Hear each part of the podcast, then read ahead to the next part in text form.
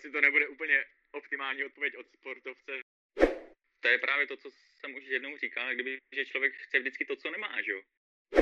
To je právě Že ono je to pak jak kdyby na to navázané, že jakmile začnou všichni sportovat, tak pak je blíž i k tomu otevření toho profesionálního sportu, no.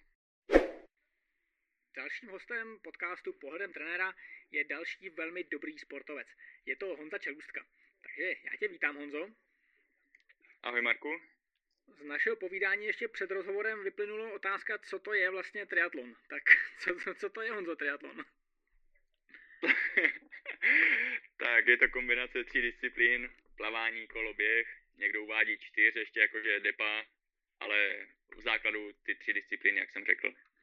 Dobrý, já bych se na takovouhle blbost samozřejmě neptal, ale když už, když už to zmínil, tak mi to přišla jako taková dobrá vykopávací otázka.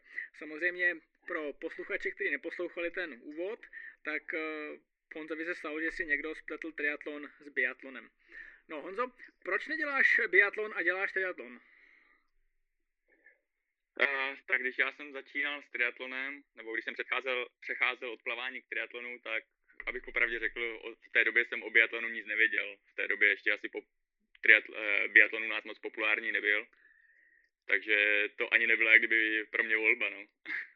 Uh, a jak jsi se dostal teda k triatlonu, že jsi vybral uh, splavání triatlon? Uh, během studia na vysoké škole jsem závodně ještě plaval, první dva ročníky, ale už jsem viděl, že tak nějak to dál moc jako nepůjde, že jsem dosáhl nějakého svého maxima nebo stropu prostě v daných podmínkách a, a s mýma předpokladama.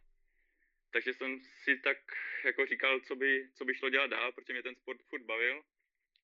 No a pak přišla taková jako nabídka od kamaráda, že jestli bych si nechtěl zaplavat v triatlonové štafetě, takže jsem si to tak nějak vyzkoušel, bylo to tenkrát, myslím, v Sacké, štafeta na polovičního Ironmana, takže jsem tam odplaval 1,9 km. No a když jsem viděl, jak ten sport vlastně funguje, jak to probíhá, tak jsem věděl, že to je asi to, co bych chtěl zkusit, no. No a zkusil jsi to poměrně asi úspěšně, bych řekl. a jo, ještě, ještě tak jako, že rok, rok a půl jsem to tak jako kombinoval s tím plaváním, než jsem úplně definitivně jako přešel k triatlonu. Ale tak nějak do dneška té volby nelituju, no. Myslím si, že jsem si vybral pro sebe ten správný sport. No a byly nějaké místa, kdy jsi, kdy jsi litoval toho, že jsi si vybral triatlon a neplavání? A, tak jako litoval, litoval asi ne, samozřejmě, že byly určité období, de facto hned přechod, když jsem oznámil ve Zlíně, kde jsem tenkrát plaval, že bych teda chtěl vyzkoušet ten triatlon, tak trenér jako pro mě až překvapivě jako to tak jako vzal v pohodě, říká jako jasný, žádný problém, v klidu. Tak jsem si říkal, tak asi, asi dobré, že ho to jako nějak netrápí, že doufal jsem, že budu moc s plavcema dál plavat, protože to plavání je tak, takovým základem prostě bez toho v tom triatlonu, aspoň v tom krátkém, není šance jako dosáhnout nějakých dobrých výsledků. Takže jsem si říkal, fajn, trenér to vzal dobré, tak budu mít s plavcema, budu dál plavat a prostě si k tomu budu sám běhat a jezdit na kole. No a přišel konec sezóny, té plavecké teda, a trenér se tak stoupil před všechny v tom oddíle a říká, no a tímto bych vám chtěl oznámit, že Honza Čelůstka u nás končí, protože přichází Takže ta, takhle jsem někdy ukončil svou plaveckou kariéru, takže to mě tenkrát kdyby, ne, že mrzelo, ale trošku zaskočilo, mm-hmm. Ale rozhodně jsem toho nelitoval a de facto pro, to pro mě byla taková hodně velká motivace v tom začátku, že jsem si říkal tak, já těm plavcům prostě ukážu, že jsem udělal dobře, že v tom triatlonu prostě budu lepší než v tom plavání. No a jsi s tím teda jako, jako spokojený, jak jsi, jak jsi ukázal, že, že jsi lepší plavec než, teda lepší triatlonista než plavec? Tak, tak, rozhodně. To, to už mi bylo tenkrát prostě jasné, že na to plavání nemám úplně ideální dispozice nebo prostě talent, že jsem dosáhl takového nějakého svého stropu. A prostě v tom triatlonu jsem věděl, že s tím, co mám, ten základ z toho plavání, sice bylo, už, už mi bylo, že jo, v té době nějakých 22, takže jsem věděl, jako, že asi nejvyšší čas, ale pořád to šlo, ten sport kdyby změnit a ten triatlon pro mě byl rozhodně lepší volba, no. Dobře, my jsme se teď spojili s tebou přímo na nějaké soustředění. Jaký máš teď tréninkový režim? Uh, přesně tak, no. Teď, teď jsem uh, teď končím třetí týden pobytu na Fuerteventuře na Kanárských ostrovech, že jak všichni ví, tak ta situace v Česku je dneska taková pro sportovce dost špatná, že bazény jsou zavřené, což pro nás, když prostě někdy od prosince jsou ty bazény zavřené, tak dva měsíce neplavat, tak to by skoro mohlo ukončit kariéru. Takže jsme hledali jako jak z toho vybruslít a naštěstí na těch kanádských ostrovech to tak nějak funguje. Mm-hmm. Tak, že jsem za, protože přítelkyně taktéž dělá triatlon, že reprezentuje Slovensko a vzali jsme ještě jednu holku, která je reprezentantka do 23 let v Česku. No a vyrazili jsme teďka na tři týdny na, na tu Fuerteventuru, odkud se v sobotu přesouváme na Gran Canaria na další tři týdny, kde se k nám připojí jak kdyby zbytek české výpravy reprezentační. No, přiznám se, že mě hrozně jako překvapilo, když jsem zjistil, že mm, to žádný plavec ani, ani triatlonista nějakým způsobem nedokázal moc vyřešit ty zavřený bazény. Takže to je skutečně mm, asi jako neřešitelný no. problém u nás, no. Jo, je, je to tak prostě, že tím, když se to prostě zavře ty bazény pro tu veřejnost, tak de facto žádný ten bazén to není schopný třeba pro tu skupinku těch profesionálů nebo těch sportovních plavců prostě ten bazén udržovat, jo. To stojí velké peníze to vyhřívat, upravovat tu vodu, čistit pořád, samozřejmě platit nějaký personál a v případě, že vám vypadnou všechny ty plavecké školy, veřejnost a tady všechno to komerční plavání, tak v tu ránu prostě je nereálné, aby to někdo nějakým způsobem udržel. No. No, to je asi jako smutná, smutná daň týhle tý doby. No dobře, pojďme, pojďme k tomu tréninku, co teď teda aktuálně děláš. Uh, tak kromě toho, že se opaluju, tak, tak samozřejmě plavu, jezdím na kole, běhám. Teďka ty první tři týdny tady vlastně v teple byly takové zaměřené hodně na tu cyklistiku, že najezdit nějaké kilometry, dostat se do toho, že de facto jsem tři měsíce střídal doma tak horské kolo venku a, a trenažer doma, což ten trenažer pro mě žádná velká zábava není. Mm-hmm. A vydržet na tom sedět více jak nějaké dvě, dvě a půl hodiny, tak to je pro mě opravdu velký očistec. Mm-hmm. Takže tady si užívám toho, že teďka můžu ty kilometry najezdit venku a je to taková daleko větší zábava. No. Jakou máš, eh, jaký máš teda jako tréninko, tréninkový plán? Kolik eh, kilometrů teď máš v plánu najezdit nebo v jakém jsi procesu teď? A, tak ten plán se mění samozřejmě z týdne na týden, protože i tady ty podmínky třeba na bazén byly takové různé, že občas nám prostě řekli, že můžeme na hodinu, občas jsme mohli víc jak na hodinu denně plavat. Jeden týden nám řekli, že budeme moct plavat jenom třikrát v tom týdnu, všechno se musí rezervovat dopředu, takže i, i za takhle to trošku za pochodu prostě se snažíme zařizovat, improvizovat a aby to nějak fungovalo. Ale teď mi to vycházelo kolem nějakých 450 km týdně na kole, no. A k tomu hmm. samozřejmě nějaký běh a plavání, posilovna. Takže cyklisti asi řeknou žádné velké objemy, ale snažíme se s trenérem, aby prostě každý ten trénink dával nějaký smysl a nebylo to jenom o tom, že odsedím 3-4 hodiny na kole a najezdím nějaké kilometry, no. Co to znamená, aby měl trénink nějaký smysl v tvém podání? A, tak já se na to dívám tak, protože kromě toho, že sám jsem jako sportovec, tak právě ty dvě holky, co tady jsou se mnou, tak ty trénuju, tak se snažím prostě, aby to nebylo tak, že znám spoustu sportovců, co to prostě mají tak, že triatlon jsou tři disciplíny, tak denně prostě tam ty tři disciplíny pošlu, ať se děje, co se děje. Já se na to dívám tak, že prostě každý ten trénink, i v případě, že je to regenerační větí nebo tak, tak každý ten trénink by měl mít jakože nějaký smysl, že to není prostě, že jdu na to kolo, protože dneska tam to kolo být má. Mm-hmm. Takže se snažím prostě, aby každý ten trénink měl nějaký hlavní úkol nebo prostě něco, na co se v tom tréninku zaměřit a proč tam to kolo jdeme.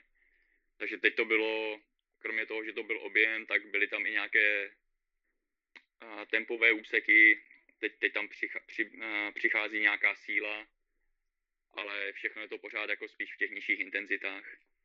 Jak třeba trénuješ sílu na kole?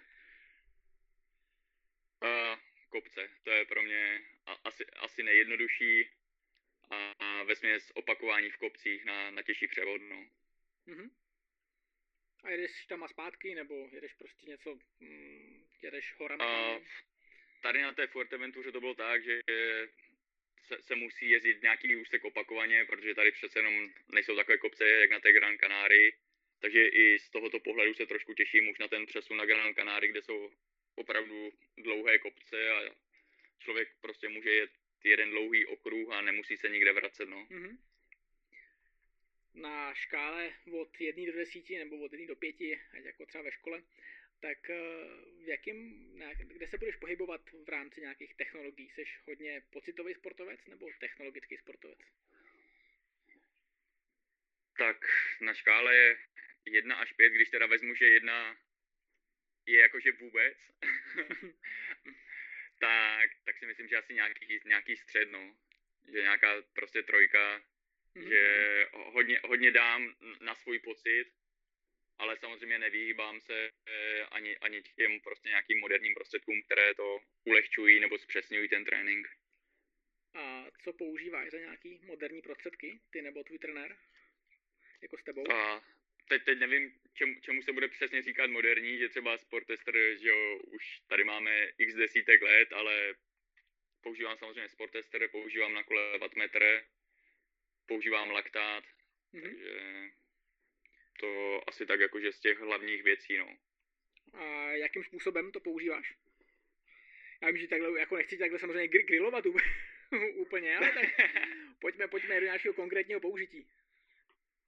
Ne, tak samozřejmě ten, ten matmetr na, na tom kole mám pořád a kromě delších výjížděk, teda těch vytrvalostních, kde se řídím spíš podle tepů než podle vatů, tak de facto to používám každý trénink, toho laktátu, to, to jsou, tam to nepoužívám moc na kole, že je to takové složitější, prostě když s tebou nejede třeba někdo v autě nebo tak, kdo, kdo by ti vezl nějaké to zázemí a vozit to úplně v kapse se mi nechce, tak tam to používám spíš na běhu a tam se jedná spíš o takové ty intenzivní tréninky nebo případně nějaké ověřovací tréninky, takové testy, no. Mm-hmm. Nějaký teď novější běžecký wattmetr, nebo to je asi takový, no jo, běžecký wattmetr používáš? A nepoužívám. Vím o tom, je to teďka takové hodně diskutované, ale zatím jsem se k tomu tak nějak, ne že neodhodlal, ale zatím jsem tak nějak nejsem osobně přesvědčený, že by to pro mě mělo nějaký velký význam. Mm-hmm. Dobře. A nějaký zázemí, který bys využíval nějaký jako, jako lékařský ve smyslu aplikace nějakého testování nebo něco takového? Chodíš pravidelně na nějaký zátěžáky, který bys pak nějak řešil na tréninku? Tak já jsem jako sportovec jsem zařazený na Olympu, takže tam máme vlastně kompletní lékařské zabezpečení a jinak jakože testy tak jako u, byl jsem u Jirky dostála, což, což bylo tak asi jakože nejvíc, co, co tak z toho testování bylo, no, že tam jsem se opravdu dozvěděl o tom svém těle asi nejvíc. Mm-hmm. No tak oni na, nakonec já ve finále do podcastu vlastně všechno se točí, tak nějak jsem patřím do skupiny okolo Jirky, Jirky dostála, takže ono to tak nějak sobě samozřejmě směřuje. A co jsi se dozvěděl u Jirky zajímavého? Uh, že je pro mě velmi přínosný trénink ve výšce. Mm-hmm. Což jsem tak nějak jako na sobě měl i vypozorované, ale přece jenom, že člověk, když to má takhle, ne že neoficiálně, ale prostě nemá to potvrzené nějakýma datama, tak pořád nad tím nějak špekuluje nebo tak, takže to jsem byl velmi rád, že se mi potvrdilo, že pro mě je to velmi přínosné a takže vlastně od, od těch testů jsem před důležitýma závodama se snažím prostě pobývat ve výšce mm-hmm. a velmi se mi to osvědčilo. Naopak třeba u mé přítelkyně, u Romany Gajdošové se naopak potvrdilo, že u ní ten pobyt ve výšce nemá až takový přínos a díky tomu, jaké je tam třeba před těma závodama riziko nějakého přetrénování nebo tak, tak u ní zase naopak je to nejsou ty klady až, až takové, aby to mělo třeba před těma velkýma závodama smysl to tam riskovat, no. Takže to, to byl asi takový jakože největší výstup z těch testů u Jirky dostálo pro mě. Jasně, no ty moderní metody často vedou k tomu, že se člověk maximálně tak potvrdí to, co tak empiricky jako vlastně vysledoval. Tam se člověk, vlastně ten výstup nemůže být ale, nějaký hypermoderní, že jo? Jasně, ale vycházíš z toho, že, jo, no. že třikrát se ti ty závody z té výšky povedou, jednou ne, a pak tam ten Aha. červíček hleda, hlodá, jakože tak v čem to bylo. Aha, aha. Takže jsem takhle, když prostě po těch testech ti to tam vyjde, tak v uvozovkách černé na bílém, tak si říkáš, tak fajn, tak, tak prostě tohle beru, jakože je to hotová věc. No, ono by se taky dalo oponovat tím, že když budete mít eh, teda závody ve stejném termínu, takže si nad, od sebe odpočinete, protože ty budeš ve vejšce a přítelkyně ne. a, a, jo, dá, dalo by se to taky tak říct, no. Eh, Tohle to teda nevím, jestli by měla přítelkyně poslouchat, ale samozřejmě. ne, tak já myslím, že, že ona by to zvládla. a Nemyslel jsem to jako nějak ve špatném, že bych si od ní potřeboval odpočinout. no tak možná to tak vyznělo, ale když přišel na testy k Jirkovi, ale Jirko, potřeboval bych, aby to vyšlo, že musím do výšky. A já jsem na těch testech byl dřív než ona, takže spíš to jí- vyšlo, že ona tam nepotřebuje jezdit na rozdíl ode mě. jo, takhle. Dobře, dobře, dobře. A kdy jsi teda byl na, naposled u Jirky na, na, na testování? Jo, no, naposledy jsem tam byl, podle mě le, letos zimě jsem nebyl, takže loni, lo, lo, lo, loni v zimě, no. Mhm, mhm. Takže vlastně před nějakým rokem. No, on ten poslední covidový rok byl takový zvláštní. Jaký pro tebe byl ten poslední rok? No, vlastně to tak řekl hezky, takový zvláštní, no. Že bylo to de facto nejvíc závodů bylo v České republice, kde aspoň proběhl český pohár. Ve, ve světě jsem vlastně na začátku roku stihl dva závody v únoru v Indii a na začátku března ještě Mauricius, odkud jsem byl rád, že jsem se pak stihl nějak vůbec vrátit domů. No a pak to de facto všechno mezinárodní závodění bylo tak nějak ukončeno pozastavené a závodilo se v Česku. Já jsem se do toho pak, jak kdyby ještě do toho přišlo nějaké zranění, že jsem si natrhl achilovku kvůli špatným botům. Takže pro mě ten rok byl takový No. zvláštní až špatný, bych řekl tak. Kdy myslíš, že se situace vrátí do nějakého normálu? No, to bych taky docela rád věděl. Bohužel nemám křišťálovou kouli, ale tak nějak si říkám, že třeba v tom létě by se to zase jako mohlo zlepšit, no, že přece jenom i loni to v tom létě trošku na chvíli ustoupilo jak kdyby do pozadí, tak si říkám, že v kombinaci prostě toho letního teplejšího počasí a nějakého, nějakého toho očkování, tak třeba by to jako v létě mohlo být dobré už, no. K čemu teď směřuješ nějakou přípravu?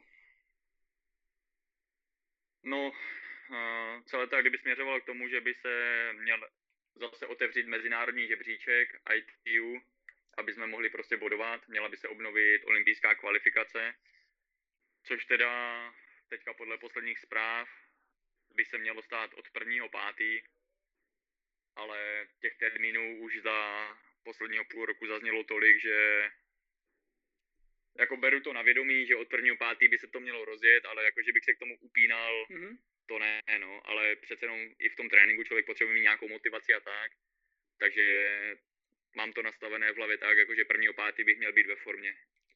Jasně. Jak, jakým způsobem, pojďme zpátky k tomu tréninku, a jakým způsobem se do té formy on ta čelůstka dostává? A, tak v- tuhle chvíli je pro mě nejdůležitější právě, jak jsem zmiňoval, že jsem si loni natrhl achilovku, tak dostat se do toho běžecky, no, že pořád to při rychlých tréninkách to není úplně optimální, že pořád tu nohu kdyby cítím, i přesto, že všechny vyšetření potvrdili, jak kdyby, že ta achilovka, prostě ta, ta rána srostla, že je to v pohodě, tak přece jenom tím, že jsem nějaké tři měsíce stál bez běhu, prostě bez nějakého zatěžování té achilovky lítka, tak je to pro mě teďka o tom dostat se hlavně běžecky zpátky tam, kde jsem byl. Protože na kole si troufám říct, že jsem na tom v tuhle dobu líp, než jsem kdykoliv předtím, jak kdyby byl v únoru.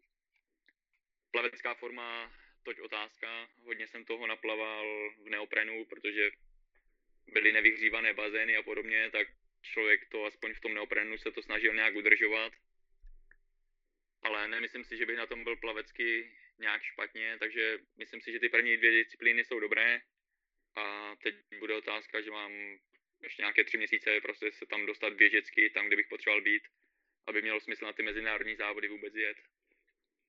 Co tam zařadí za tréninky, teda běžecký?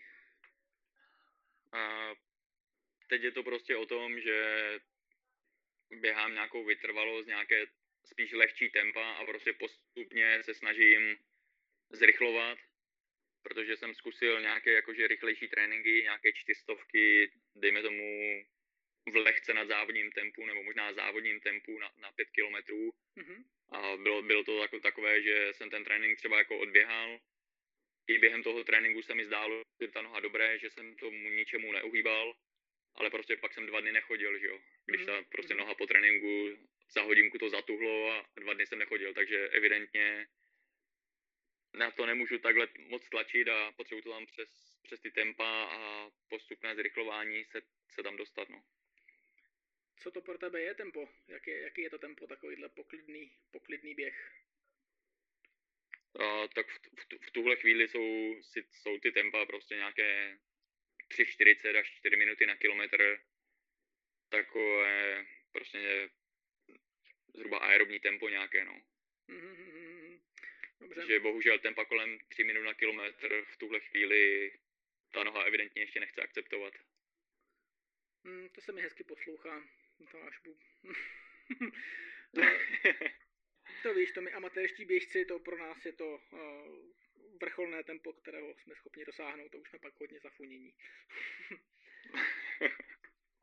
no jo, no, to je potřeba se smířit s tím, že běhat prostě neumím. No, dobře. Uh, pojďme k tomu dál. Co je tvoje uh, nejoblíbenější nějaký, co je, jaký je tvůj nejoblíbenější tréninkový motiv? Napříč těma sportama. Uh, napříč triatlonovým, no. napříč triatlonovýma disciplínama, jo? No ne, tak pojďme, a ta, a, tak dobře, pojďme to postavit, ty jsi mluvil o těch běžkách eh, předtím, takže pojďme to postavit uh, i jako napříč Přesně tak, jakože třeba přes, přes tu zimu pro mě jsou sportem číslo jedna ty běžky, to je, na to já prostě absolutně nedám dopustit.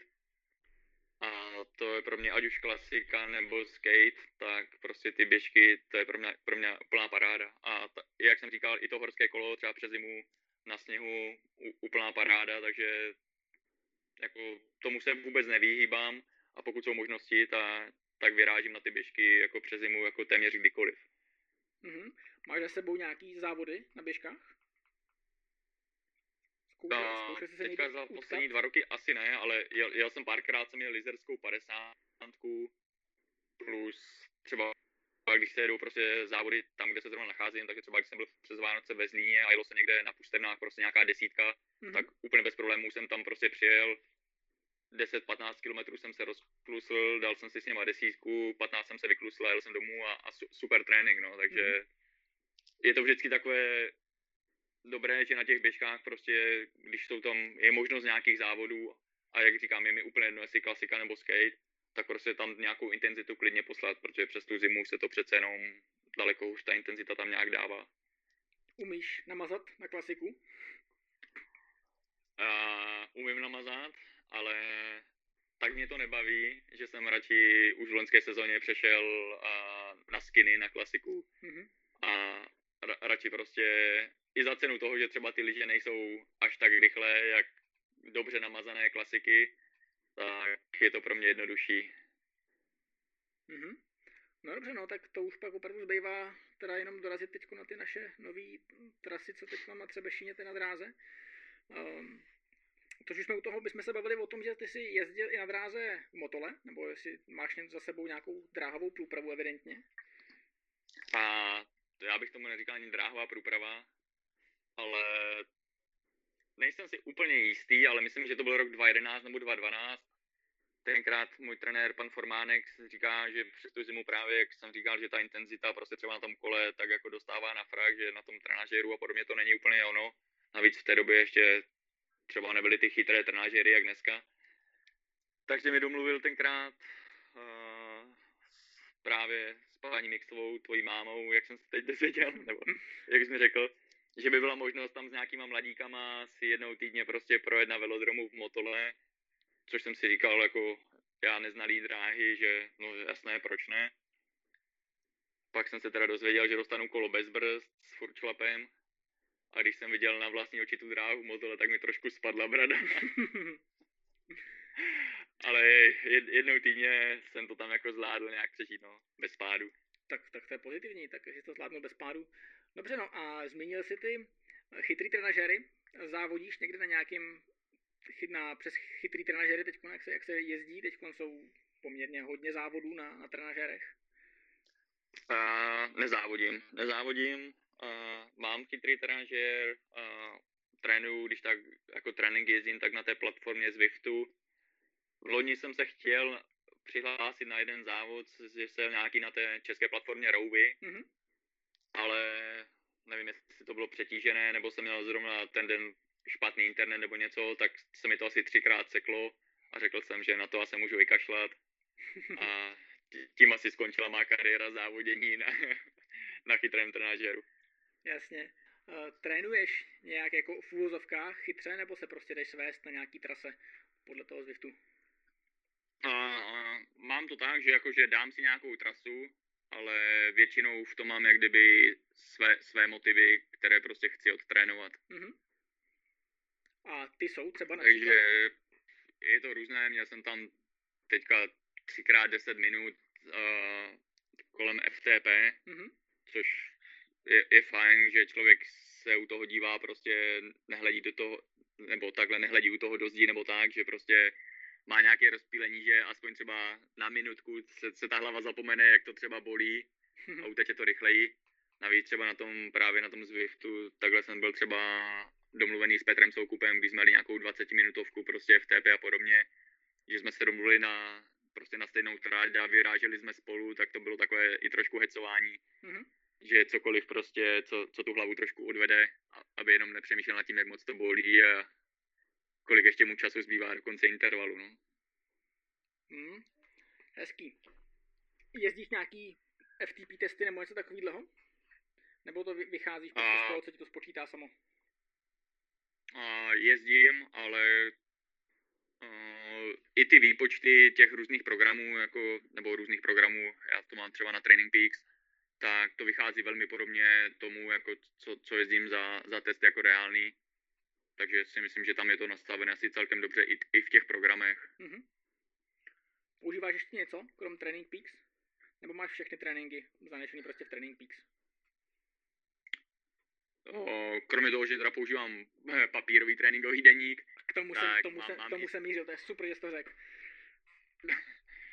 Má, mám i účet na stravě, ale ten tam prostě tak mám jako spíš tak jakože ze zajímavosti, že se podívám a tak, ale nemám to vyloženě z nějakých jakože vědeckých nebo tréninkových účelů. Mm-hmm. To, to mi stačí ten Training Peaks. Jasně, ale vedeš si prostě papírový tréninkový deník. Jo, ten, ten vedu de facto od začátku své sportovní kariéry a nehodlám na tom asi nic změnit už. Tak to je bezvadný, to je úplně bezvadný. Já myslím totiž, že jsme se hrozně překlopili v době, že jsme přetechnizovaný a právě, že všichni vynechali psaní tréninkových denníků na papír a vlastně pak jedí úplně kulový oslova. Všichni máme čísla, ale nemáme ty, ty poznámky a obrázky a, a jaký to bylo, jak to bolelo. Takže máš všechny deníky teda, od, úplně od začátku. Uh, mám od doby plavecké kariéry, prostě kdy tenkrát ani snad ještě nikdo nevedl elek- nějaký tréninkový deník v elektronické formě, tak od té doby prostě jsem vedl papírový a zůstal jsem u toho. Mm-hmm. A nevím, jako každému vyhovuje samozřejmě něco jiného, někdo to fakt rád si píše do těch tabulek a že mu to Excel hned počítá nebo něco jiného a podobně. A já se zase rád zalistuju kolikrát třeba pro nějakou inspiraci nebo motivaci do těch prostě zalistuju v těch papírových denících. Aha, tak to je, to je krása, to je, přes, to, to, je, to je nádhera, to je nádhera.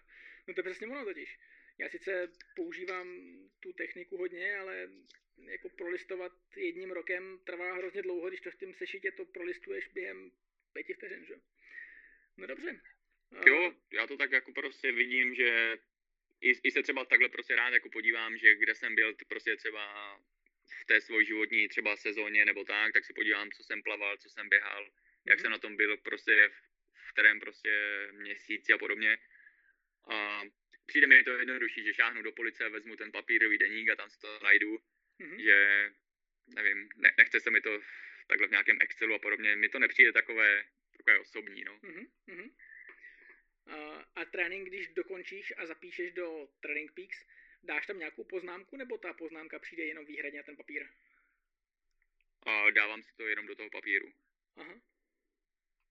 Takže chudák trenér, ten teda má jenom, jenom ten trénink peaks, ale vzdáleně třeba. A to ani ne, tak s trenérem jsme prostě v kontaktu, že jo, telefonicky a podobně, takže ten si jako většinou vyžádáme pocity, mm-hmm. takže mu to řeknu.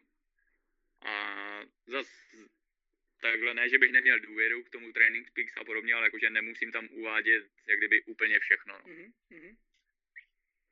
Dobře. Tak to, to mě, to mě jako, jako ale, ale, fakt jako hrozně, hrozně moc potěšil. Že stále jsou sportovci, kteří si vedou papírové deníky. Už jsem skoro myslel, že už to vymizelo. Tak mám to takovou každoroční tradici, že jakmile mi začíná někdy v listopadu nová, nová sezona, tak začnu zhánět v kterém knihkupectví mají tréninkový deník v papírové formě a obí, obíhám vždycky město. A jaký používáš teda tréninkový deník v papírové formě? Je to normální sešit nebo nějaký diář nebo? Jo, jo, je, je to normální sešit. Dřív to býval takový velký ve formátu A4, myslím, že to byl tenkrát nějaký Aleš Tvrzník nebo někdo z G- a vydávala to Grada mm-hmm. a mhm. dneska používám takový menší ve formátu A5. Mm-hmm. Takže... Dobře, říkal jsi sezóna. Kolik dáš uh, kilometrů na běhání, na, na kole a odplaváno? Kolik máš za, za rok hodin a kilometrů? Tak, on, je to různé sezon od sezony, protože každou sezonu de facto končím někdy jindy. Občas mi sezona skončí v září, občas mi skončí v listopadu, ale de facto zhruba to tak vychází tisíc kilometrů ve vodě. Na kole se to pohybuje podle sezóny nějakých mezi 10 a 14 tisíci a na běhu kolem nějakých 3 tisíc. Mm-hmm. To Dobře. jsou takové jako hrubé čísla, takže plus minus. A kolik plán, nebo takhle, co plánuješ do letošní sezóny? Co vyhraješ? to je hezká otázka, co plánuješ vyhrát? a určitě bych, po té, co jsem letos vynechal mistrovství republiky, tak bych určitě rád vyhrál mistrovství republiky jak ve sprintu, tak na olympijském. A pořád doufám, že se rozběhne ta olympijská kvalifikace a že se ještě, že ještě zabojujeme i s ostatními členy české reprezentace o tu olympiádu. No, jaký tam vidíš šance? Ale tam je de facto vlastně letos bude, nebo letos už loni to mělo být, poprvé by měla být nebo bude štafeta na olympiádě a pokud se nominuje štafeta, tak všichni ti členové mají právo individuálního startu a tam vidíme jak kdyby tu největší naději, že by se nominovala česká štafeta, ale k tomu je potřeba, aby se teďka rozjeli ty nominační závody, no, což je takových v mých očích 50 na 50, jestli to bude nebo ne. No. Hmm, hmm. No, já jsem se teď taky bavil s nějakýma triatlonistami o tomhle tom. No, všichni to vědí, tak pade na pade. to je, je, je to tak, no, že už jsem, už jsem i slyšel jak kdyby hlas, že už prostě zůstanou výsledky té kvalifikace tak, jak prostě skončili na konci roku 2019 a jak byly zamrazeny, ale pořád je tam jakože nějaká šance, že by se to od toho prvního pátý snad mohlo rozjet. No. Mělo se to rozjet na konci března svěťákem v japonském Miyazaki. Ten už byl zrušený. V Dubnu měl být svěťák v Mexiku, v Huatulku, ten přesunuli někam na neurčito, takže snad z toho prvního pátý se to třeba rozjede. Jaký dáváš šance tomu, že by ta olympiáda nakonec vůbec nebyla? V tom termínu, co je ohlášena. No, já si taky myslím, že to těch 50 na 50, no. Hmm. Že sice nás všichni furt Český olympijský výbor v čele s Martinem doktorem nás bombardují e-mailama a ubezpečují, že olympiáda bude a že na tom všichni makají. Ale to si myslím, že by se říkalo i, i v tu chvíli, kdyby třeba věděli, že ta olympiáda nebude, takže já si myslím, že je to tak asi 50 na 50 a strašně moc bude asi záležet na té covidové situaci ve světě, no. A speciálně v tom Japonsku, kteří jsou na to hodně hákliví. Hmm, hmm, to je pravda, no. No tak jo, pojďme pojďme k otázkám z publika. Těch jsem na tebe dostal celou, celou hromadu. Mám se bát? Ne, oni jsou většinou. No uvidíme. Budeme to pokládat dál a schválně, co se, co se za rok, za rok vyvine. No tak jo. Dobré, tak to se, to se, tě, to se těším. já si to udělám nějaký výstřídek. tak jo, hele, já ti moc děkuji za, za hostování v podcastu. Budu ti přát... Není vůbec zač, já děkuji za pozvání. No, hrozně, já jsem si s tebou popovídal. A až budeš chtít dorazit někdy na velodrom, ať už na kolo nebo, nebo na běžky, tak, tak, tak doraž. Dobře, budu si to moc pamatovat. Doufám, že se vám podcast Honzou Čelustkou líbil. Dalším hostem v příštím díle podcastu Pohledem trenéra bude Radim Šlachta. V mezičase si určitě otevřete web, zaregistrujte se k newsletteru, podívejte se na Instagram a přečtěte si nějaké články. Za poslech stojí určitě i starší díly podcastu. Pokud posloucháte tento díl zejména kvůli triatlonu, určitě vás zaujme jeden z prvních dílů s Tomášem Mikou, určitě vás zaujme rozhovor s lékařem Jirkou Dostálem a v neposlední řadě si myslím, že byl velmi zajímavý podcast s Jirkou Kaločem, kdy jsme se bavili o periodizované nutrici. Všechny novinky, všechny články najdete na webu pohledemtrenera.cz, kde se určitě zaregistrujte k newsletteru. Na stejnomeném Instagramu jsou nějaké novinky a aktuality z tréninku a pokud chcete nějaké informace z zákulisí, vždy nějaké poznámky, tak od toho je tréninková skupina Marek Mixa, která je na Facebooku. Mějte se krásně, sportujte a hlavně buďte zdraví.